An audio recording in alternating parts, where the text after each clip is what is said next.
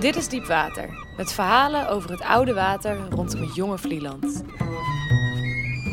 En wij zijn Matthijs Deen en Anne van Maurik. Hier, dit. Dit is van belang. Hoor je dat? Waarom? Nou, dat, dat schip komt los van de kade, zie je? Ja.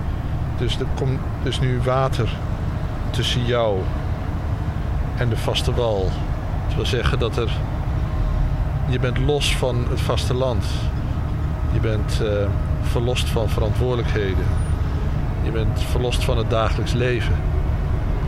Je bent eh, vrij.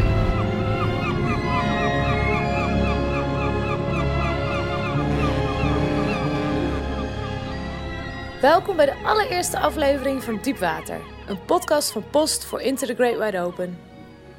Matthijs en ik verlaten vandaag het vasteland. We gaan met de boot naar Vlieland om geschiedenisverhalen over dit eiland te zoeken. Nou, Matthijs weet er alles van. Hij schreef namelijk een boek over de Wadden. Nou, deze podcast bestaat uit zes afleveringen die allemaal gaan over het thema water. Als ik op de boot naar Vlieland zit en een beetje over de zee en het ben, dan vraag ik me namelijk altijd af wat dat grote water nou precies voor zo'n klein eiland betekent. In menig zeeverhaal brengt de zee avontuur met stoere, wildbebaarde mannen en zeilende zeerovers en handel en ontdekkingen van nieuwe landen. Maar ik kan me ook voorstellen dat de zee een gevoel kan geven afgescheiden te zijn van de rest van de wereld en juist isolement brengt. Nou, in deze podcast gaan we daarop in. We gaan op zoek naar wat het water door de jaren heen voor Vlieland betekende. Gaan andere regels gelden. Vanaf het moment dat je loskomt. Nou, in je hoofd zeker. Als wij eh, hier vroeger met het gezin loskwamen van de vaste wal, dan had ik het idee, het is begonnen. Een vakantiegevoel? Ja, eh, eh, een gevoel van vrijheid. En niet alleen bij mij, maar ook bij het reisgezelschap. Namelijk. eh,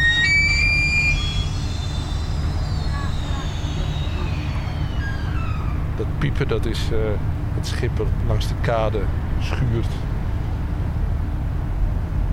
Dus met een soort van gejank komen we los van de wereld van verantwoordelijkheden.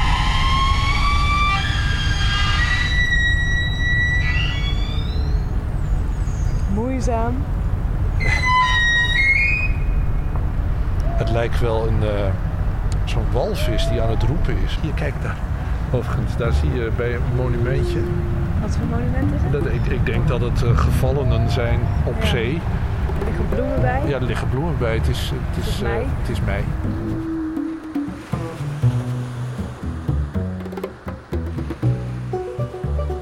Een paar dagen eerder was het 4 mei en we varen langs het Zeelieden-monument op de Waddenpromenade, waar nog bloemen liggen van de dodenherdenking. In de Eerste Wereldoorlog droeg dit water Nederlandse en in de Tweede Wereldoorlog Duitse militairen naar de eilanden. Ja, een oorlog op een waddeneiland. Dat klinkt toch een beetje alsof strak in het uniform gehezen militairen op het vasteland een ellendige oorlog aan het uitvechten waren, terwijl jij met het zand tussen je tenen bruine kiekendief aan het spotten bent. En je moet je voorstellen dat het, dat het oorlog is. En je bent sol- soldaat en je bent opgeroepen in, in, in Duitsland of in Frankrijk of god weet waar. Om voor een of andere zaak te gaan vechten. En je hebt eigenlijk niet zoveel zin. En dan krijg je de mededeling, ja, je hoeft niet naar het slagveld. Je moet eh, de grens gaan bewaken in, eh, op een eiland. Dat is dan nog veel sterker zo. Want dan, ga je, dan is het niet alleen maar dat je loskomt van de wereld van alle dag. Maar je komt ook los van de wereld waar de oorlog is. De wereld waar alle belangen zijn eh, die jij eigenlijk helemaal niet zo ongelooflijk veel zin hebt om te, om te gaan verdedigen. Und sagen mir auf Wiedersehen, auf Wiedersehen, Lebo. Wir haben uns so heiß geliebt und unsere Waarom waren die eilanden zo belangrijk voor de. Nou, omdat het grensgebied was. Het was grensgebied. Ik bedoel, de, eh, als je het in de Tweede Wereldoorlog hebt, dan is het, het de, de, de plek waar de, de bommenwerpers overkwamen. het soort onderdeel van de Atlantikwal.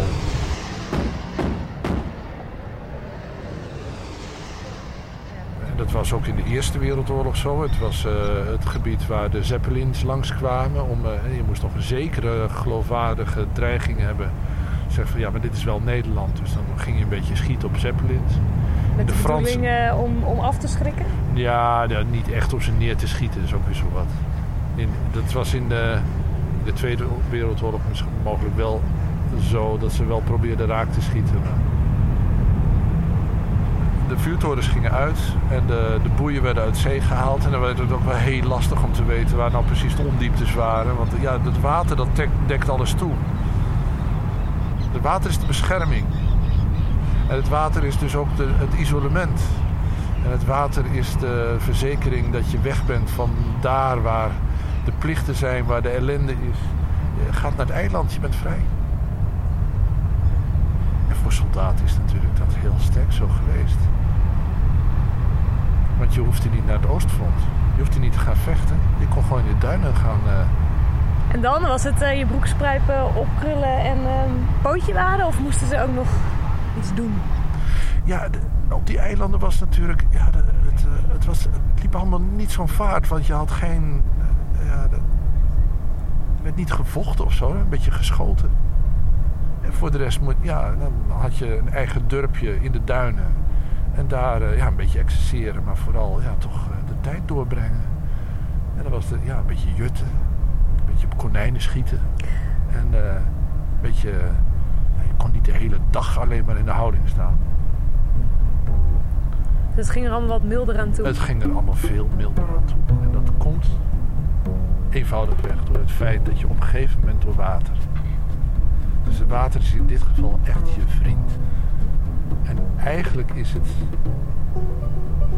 de gevoelige badgast, die voelt het nog steeds. Dat dit moment dat je loskomt van Harlingen, dat je